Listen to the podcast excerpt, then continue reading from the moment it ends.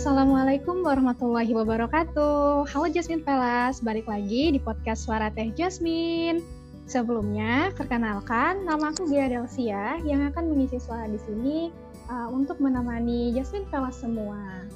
Nah, jadi kalau hari Minggu gini pasti kita sering banget kan ya tergoda untuk rebahan, apalagi kalau di lingkungan aku sendiri ini waktunya lagi hujan nih, jadi kayaknya enak banget kan kalau dibawa rebahan uh, apalagi kalau kita udah masuk kamar pasti bawaannya tuh uh, rebahan apalagi scrolling IG itu pasti tergoda banget gitu ya.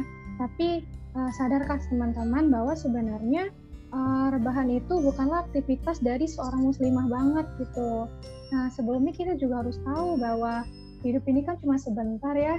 Kita nggak bakal lama-lama di sini dan kehidupan yang kekal adalah kehidupan yang di akhirat. Maka alangkah ruginya kalau kita di dunia ini cuma mager-mager aja gitu. Nah, terus gimana nih supaya kita bisa jadi pribadi yang memiliki produktivitas tinggi, nggak mager-mager doang gitu. Nah, pertama, yang udah kayak aku bilang tadi, kita harus sadar dulu bahwa kehidupan di dunia ini bukan uh, kehidupan yang abadi, tapi kehidupan yang abadi adalah kehidupan yang di akhirat. Kedua, kita harus buat planning, guys.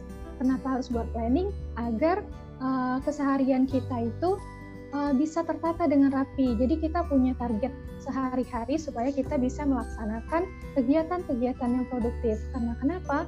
Uh, waktu kita di dunia ini hanya ada dua. Kalau kita nggak ngisi dengan kebaikan, pasti nantinya akan terisi dengan waktu-waktu yang eh, nggak uh, berguna atau sia-sia. Nah, uh, kita itu hidup di dunia itu kan cuma sebentar. Uh, ibaratnya itu kita kayak seorang musafir yang hanya berjalan di dunia, uh, mencari amal dan nantinya akan uh, dihitung pertanggungjawabannya di akhirat.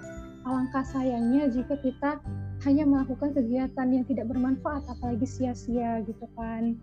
Nah, uh, mungkin teman-teman semua uh, sering ya ngerasa kayak aku tuh nggak bisa gitu uh, melakukan hal-hal yang produktif karena aku selalu tergoda sama hal-hal yang uh, yang aku nyamanin aja gitu. Nah, oleh karena itu kita tuh harus keluar dari yang namanya zona nyaman teman-teman. Karena kenapa? Zona nyaman nggak akan membuat kita itu menjadi pribadi lebih baik. Uh, kenapa kita nggak nge-challenge diri kita untuk menjadi lebih baik lagi gitu kan? Karena uh, kalau kita mau jadi orang yang lebih baik, pasti kita itu bakal uh, ngajak juga orang-orang lain untuk berbuat kebaikan gitu. Mungkin itu aja teman-teman yang bisa aku sampaikan di podcast kali ini. Semoga bermanfaat ya. Jangan lupa ikuti platformnya Teh Jasmine uh, dengan follow Teh Jasmine. Terima kasih. Wassalamualaikum warahmatullahi wabarakatuh.